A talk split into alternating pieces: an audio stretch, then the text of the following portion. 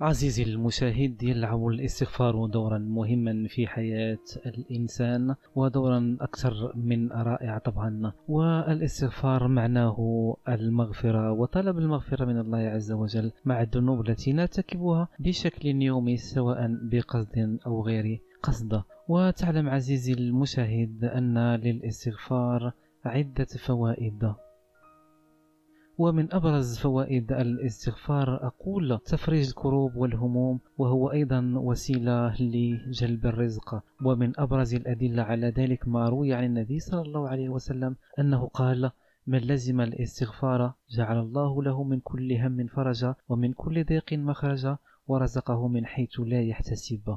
والاستغفار أيضا مهم جدا في جلب الرزق وذلك مصداقا لقوله عز وجل فقلت استغفروا ربكم إنه كان غفارا يرسل السماء عليكم مدرارا ويمددكم بأموال وبنين ويجعل لكم جنات ويجعل لكم أنهارا. وأيضا مهم أيضا أقول الاستغفار في حالات العقم مصداقا لقوله عز وجل أيضا في نفس الآية ويمددكم بأموال وبنين.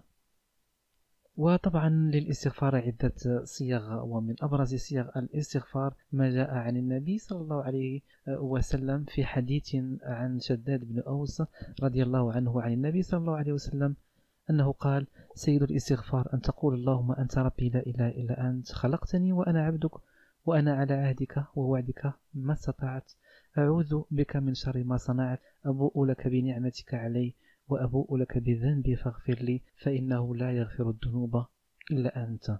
ومن صيغ الاستغفار البسيطة كذلك والمهمة والتي جاء فيها نص صريح أن يقول المسلم أستغفر الله الذي لا إله إلا هو الحي القيوم وأتوب إليه. وتجدر الإشارة إلى أن صيغ الاستغفار عديدة لكن هاتين الصيغتين هما ما وردتا صراحة عن النبي صلى الله عليه وسلم. إذا فلنستغفر الله جميعا. وتذكر عزيزي المشاهد أن طاقة الاستغفار طاقة قوية جدا.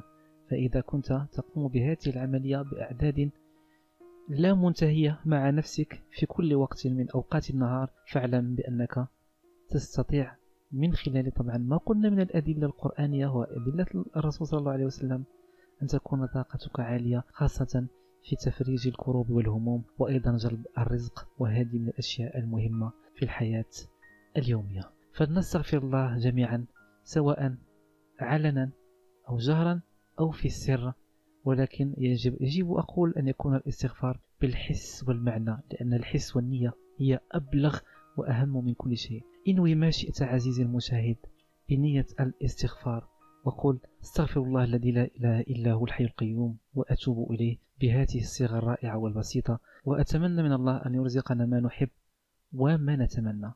فلنستغفر الله جميعا عزيزي المشاهد. يوسف حسن وأنا أقول أيضا أستغفر الله الذي لا إله إلا هو الحي القيوم وأتوب إليه.